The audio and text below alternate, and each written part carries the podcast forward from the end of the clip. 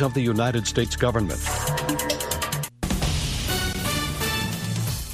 This is VOA News. I'm Richard Green.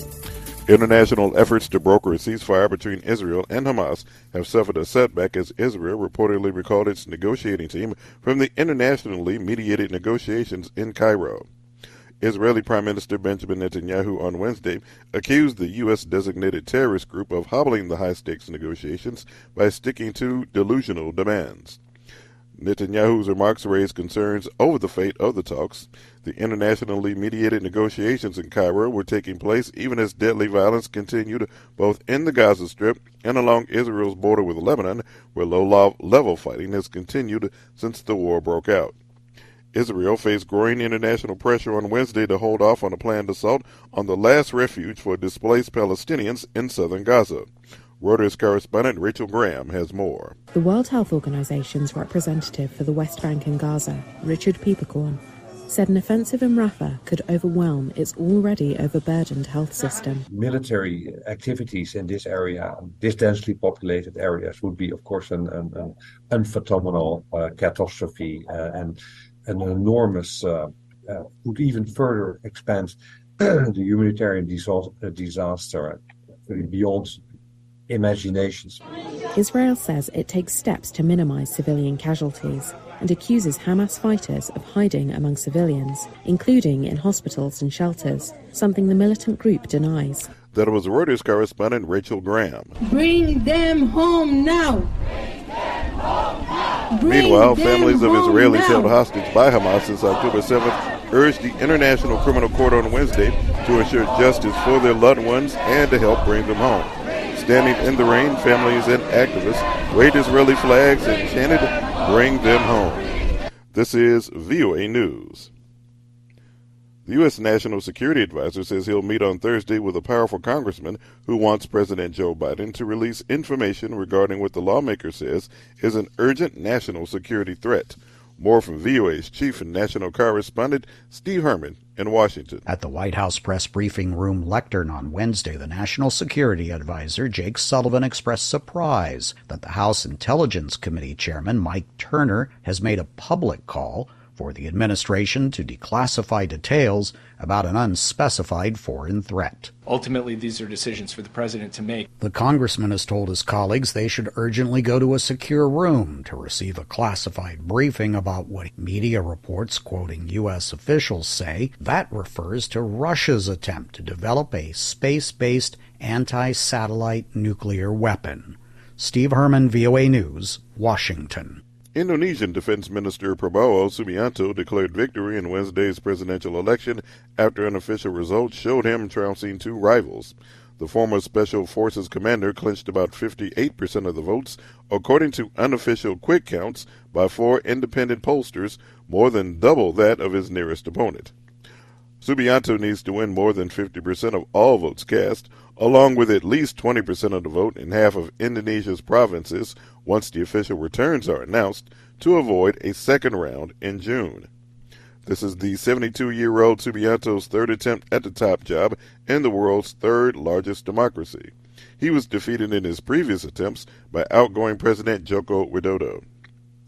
Special counsel Jack Smith has urged the U.S. Supreme Court to allow a historic case against former President Donald Trump to proceed.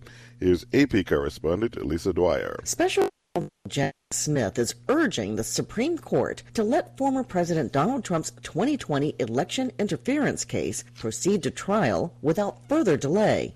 Prosecutors were responding to a Trump team request from earlier in the week asking for a continued pause in the case as the court considers whether to take up the question of whether Trump is immune from prosecution for official acts while in the White House. Two lower courts have overwhelmingly rejected that position, prompting Trump to ask the High Court to intervene. Smith asked that if the Supreme Court does want to take the case, that they hear arguments in March and issue a final ruling by late June. I'm Lisa Dwyer. Issues in the News is VOA's premier news discussion program. Our in depth analysis goes beyond the headlines, providing you with the inside story on both domestic and international news.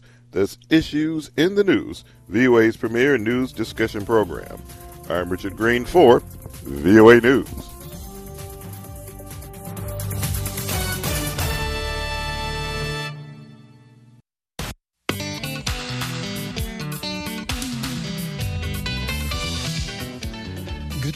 Africa. Welcome to Daybreak Africa from the Voice of America. I'm James Butty in Washington. Today is Thursday, February 15. And here are some of the stories we are covering. Ghana's President Akufo-Addo replaces his finance minister in a cabinet shakeup. The reshuffle of the president is targeted at compensating unemployed members of his party and not targeted at having any impact in our economic restoration.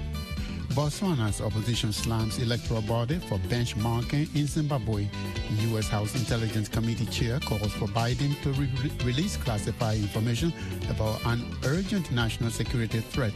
Hundreds of women dressed in black demonstrate in Kinshasa demanding a halt to the war in eastern DRC. A new report suggests Africa's agri-food sector is a solution to youth unemployment. Investments in agro-processing and the strengthened forward links to marketing and trade and backward links production will become a core employment generating sector in agri-food systems. And South African shark spotters keep swimmers safe. Those stories plus our Black History Month rep- representation uh, are coming up on Daybreak Africa.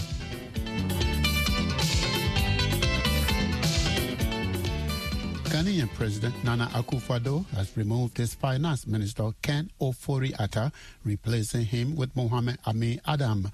The outgoing minister has been spearheading Ghana's negotiations with the International Monetary Fund for loans to support the country's economic reforms. His replacement is part of a major cabinet reshuffle announced on Wednesday by President Akufo-Addo. No government official was available to speak on the cabinet changes. Mustafa Gbande is the Deputy General Secretary of the opposition National Democratic Congress Party, the NDC.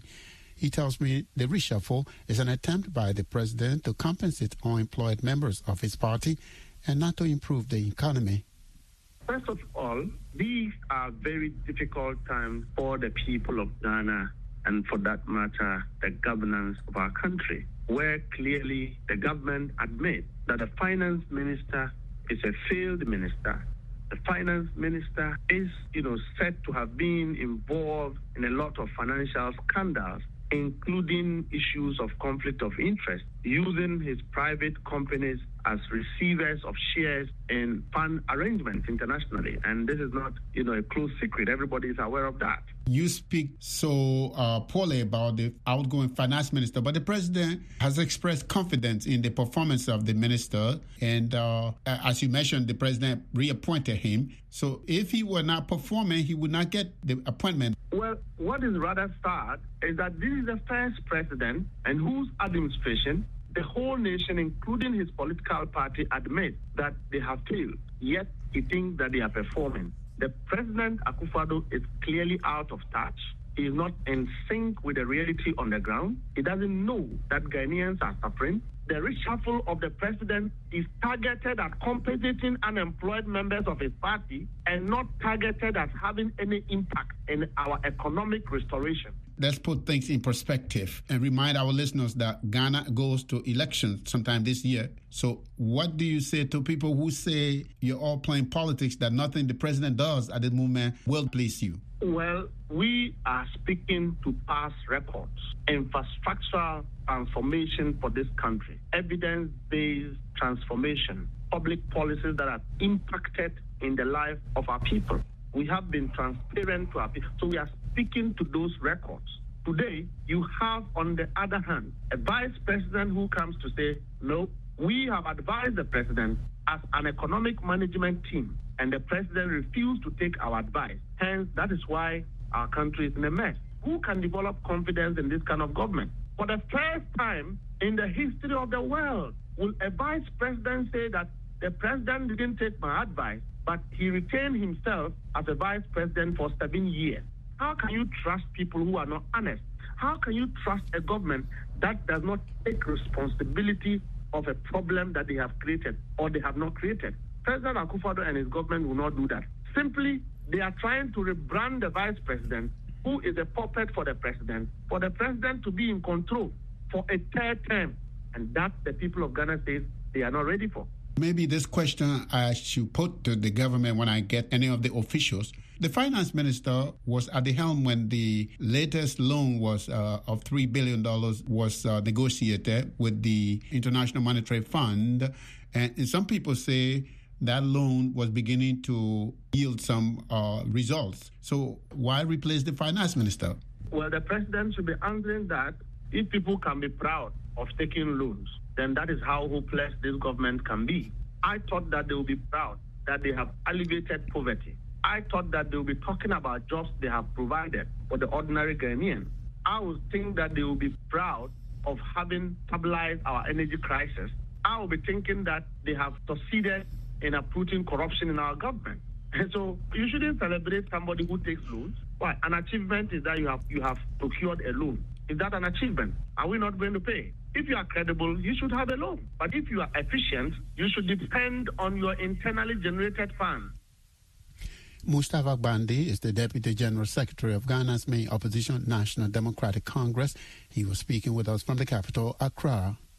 The U.S. National Security Advisor says he will meet on today, Thursday, with a powerful congressman who wants President Joe Biden to release information regarding what the lawmaker says is an urgent national security threat.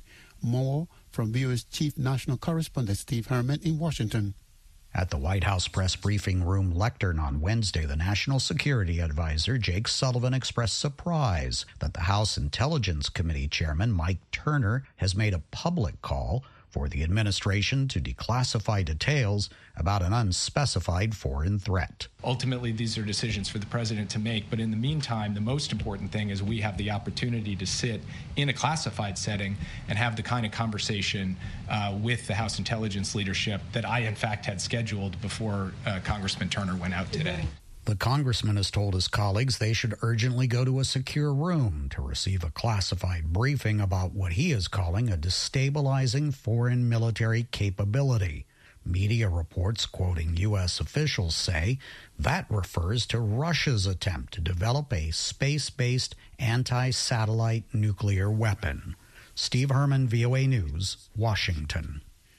Several hundred women dressed in black demonstrated Wednesday in Kinshasa demanding a halt to the war in Eastern Democratic Republic of Congo between the army and the rebel forces. The French news agency AFP says the march, called by Gender, Family and Children Minister Giselle Ndaya, brought together mainly politicians and civil servants.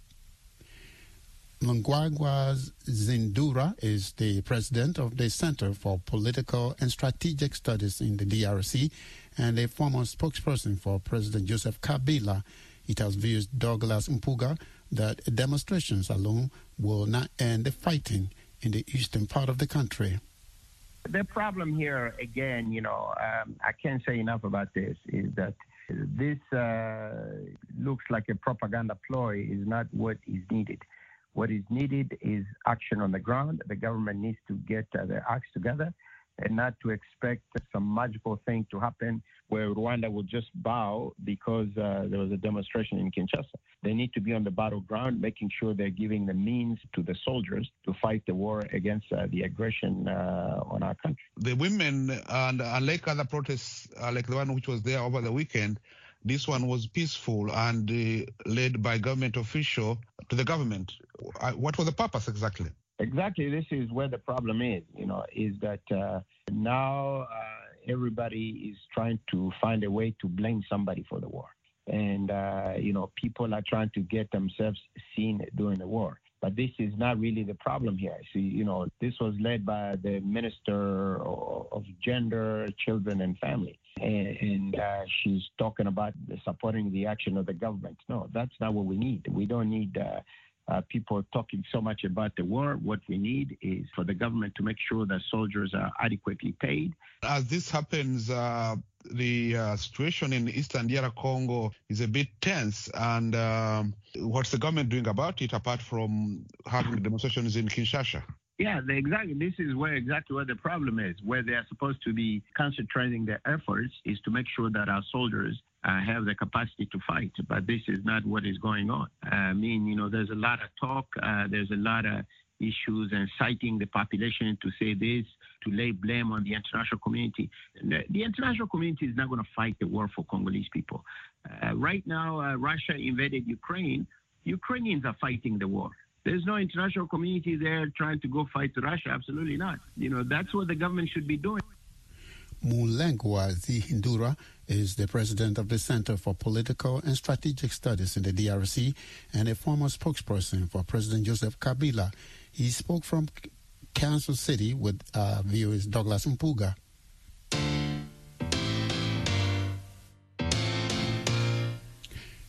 Listening to Daybreak Africa on the Voice of America. I'm James Butty in Washington. Today is Thursday, February 15. For more Africa news and features, visit our website at voaafrica.com. Connect with us on all social media platforms. We are on Facebook, Twitter, and Instagram.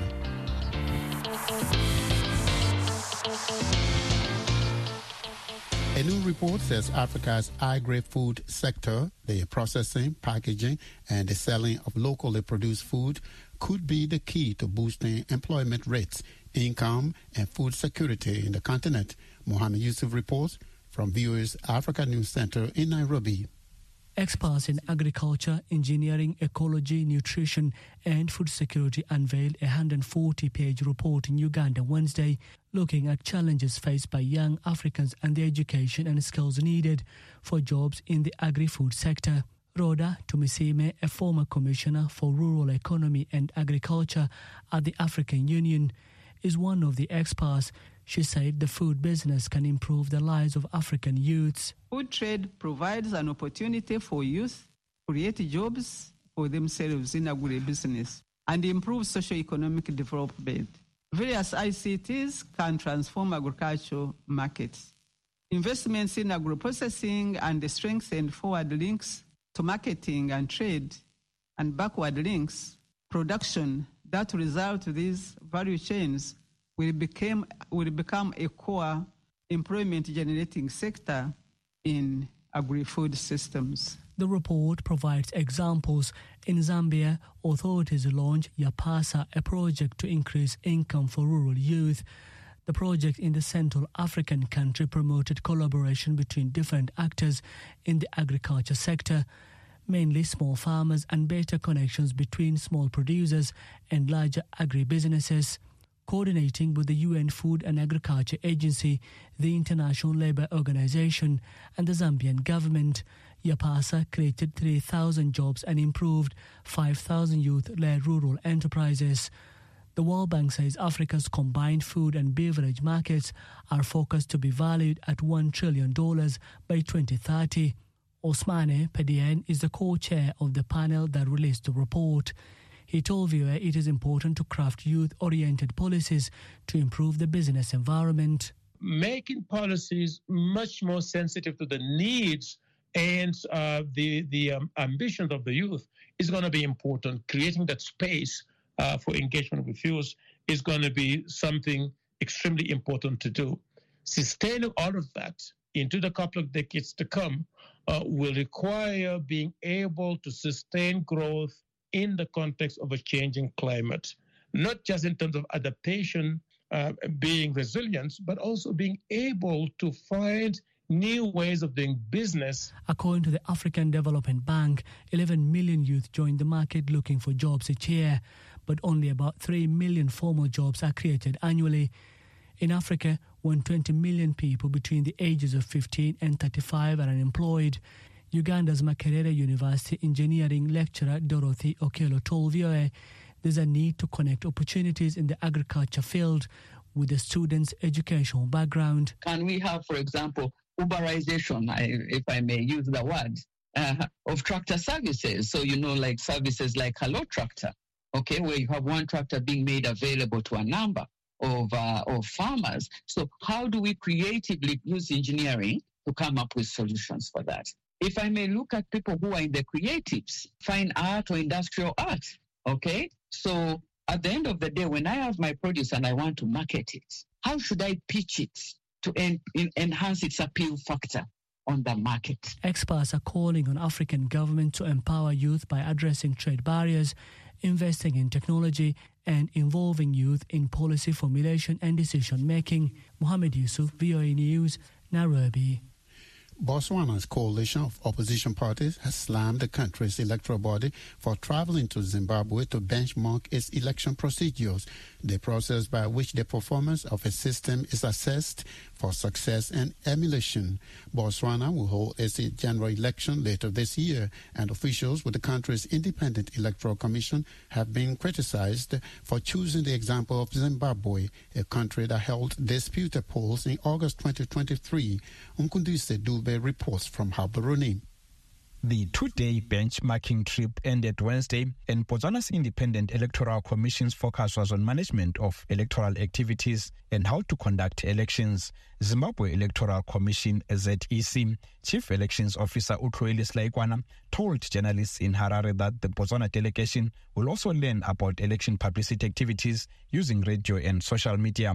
While Zimbabwe's 2023 election was disputed, Slaikwana says Botswana's visit is an endorsement of ZEC's conduct of the elections. But the Botswana National Front opposition is displeased with the IEC's trip to Harare, arguing Zimbabwe is not an ideal model for the conduct of free and fair elections. Kitlalifile Mutsewa is the spokesperson for the opposition Botswana National Front. One would have expected the IEC to benchmark with more developed democracies and systems with effective electoral institutions as an indication that they really want to achieve excellence in their mandate. The mission of Botswana's IEC's benchmarking in Zimbabwe is simple just to learn how to rig an election period. Lawrence Ookeditse of the Botswana Patriotic Front shares similar sentiments. We know, for instance, that Zimbabwe, uh, for the past two decades, has not been in a position where uh, they've run credible elections. Uh, the election has been stolen time from time, Uh, time after time, and then now we see a situation where, in the middle of an electoral process, the IEC in Botswana says they're going to Zimbabwe to benchmark. In any case, if you wanted to benchmark on how to run elections, you're not going to run to Zimbabwe. The IEC, in a statement released Wednesday, says the visit to Zimbabwe specifically to look at ZEC's accreditation machine for election observers. International observers criticized the presidential election in Zimbabwe last August, saying it fell short of international standards and was conducted in an atmosphere of intimidation and fear. The winner, President Emmerson Mnangagwa, insisted that the election was conducted transparently, fairly in broad daylight. But Botswana Vice President Slumber Tsogwane, addressing Parliament on Tuesday, said there is no need to disparage Zimbabwe. It's a sovereign state. These people are our neighbors. Yes, some observers may have said what they said, but uh, this has been said about many countries. When we castigate Zimbabwe, we think Zimbabwe is a sovereign state, is doing as good as any other countries. If you have got nothing to say, nothing good to say about Zimbabwe, just keep quiet. Grant Masterson, director at the Electoral Institute for Sustainable Democracy in Africa, says despite criticism, there are positives in Zimbabwe's electoral system. The decision has both positive and negative implications. From a technical perspective, the Zimbabwe Electoral Commission has performed very well in key areas of election management, most notably in civic and voter education campaigns, as well as stakeholder engagement. They really have a lot of good practices to teach other electoral commissions. On the other side of the coin, of course, there is the consideration that the elections delivered in Zimbabwe have had huge question marks about their integrity. Zimbabwe says other electoral organizations from the region, including from Lesotho and Ethiopia, have visited to benchmark on conducting elections. Mqondisi Dube for VOA News, Botswana. A unique program called Shark Spotters is helping keep water lovers safe. Vicky Stark has this report from Cape Town, South Africa. Rosario Landor is one of 22 shark spotters operating at some of Cape Town's most popular beaches like Muizenberg and Fish Hoek. Another 14 spotters work further north in Plettenberg Bay, where the program started after two fatal shark attacks in 2022, the last shark related fatalities on record in South Africa. The spotters sit in huts dotted along the mountainside. Um, when I see a shark, um, I got a small cell phone that I activate the siren from up here. And the siren goes down on the uh, goes off on the beach. So yeah, and then I just inform my beach spotter like where is the shark, the position of the shark, um, what's the shark doing, where it is, and if it's moving out or, you know, and then he just has to put up the appropriate flag. Different colored flags have different meanings. Green means spotting conditions are good. Black means that spotting conditions are poor, but no sharks have been seen.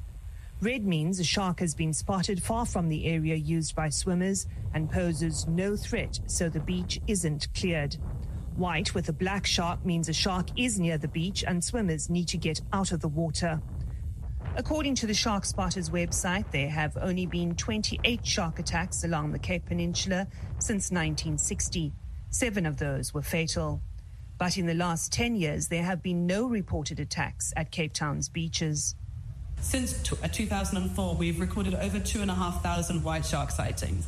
And during that time, we've obviously kept people away from the sharks. And so those are a potential number of incidents that we've avoided. Besides the early warning system, weather permitting, the shark spotters can also deploy an eco friendly shark exclusion net to separate swimmers and sharks at Fish Hoek Beach. The group is also involved in educating the public about sharks and their role in creating an ecological balance. So, obviously, if you remove uh, predators, then you have overabundance of prey, which then can also then uh, cause the prey of those prey to then decrease. But the shark spotters can't be everywhere. Senior scientist at Wild Trust, Jennifer Olbers, says, for example, shark spotting won't work in KwaZulu Natal because of the high energy coastline and lack of high vantage points. She says cameras might be an option in areas like these. Tariq Hassim is a former lifeguard who survived an encounter with the great white. He says he relies on the shark spotters to keep him and swimmers safe. As a lifeguard who's worked with shark spotters every morning, just radioing, and it helps us know where we can't see. It's just, it's just so much better to know where the sharks are. Hassim says he hopes Shark Spotters, which turns 20 this year, will continue its good work and help ensure that the only place most people see sharks close up is in catch and release aquariums like these. Vicky Stark, VOA News, Cape Town, South Africa.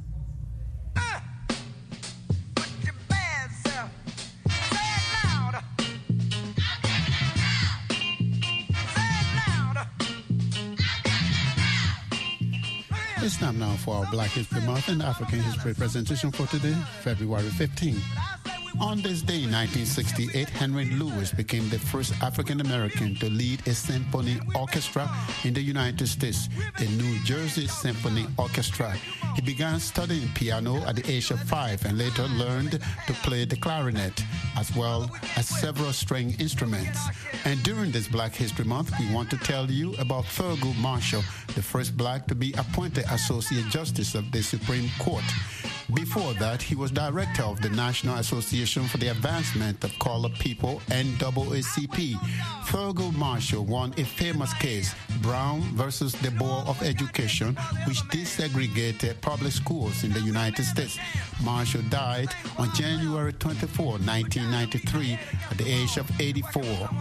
Did you know that John Brown was a radical white abolitionist who is famous for his participation in an anti slavery warfare in the United States for his 1859 raid on the federal armory in Harper's Ferry, Virginia? Brown hoped that the attack on the armory would rouse the local slaves to rise and claim their freedom, but his plan did not completely materialize, and Brown was captured, tried in Charleston, Virginia, and sentenced to be hanged for inciting a slave rebellion. Those are your Black History Month and African History facts for today, February 15.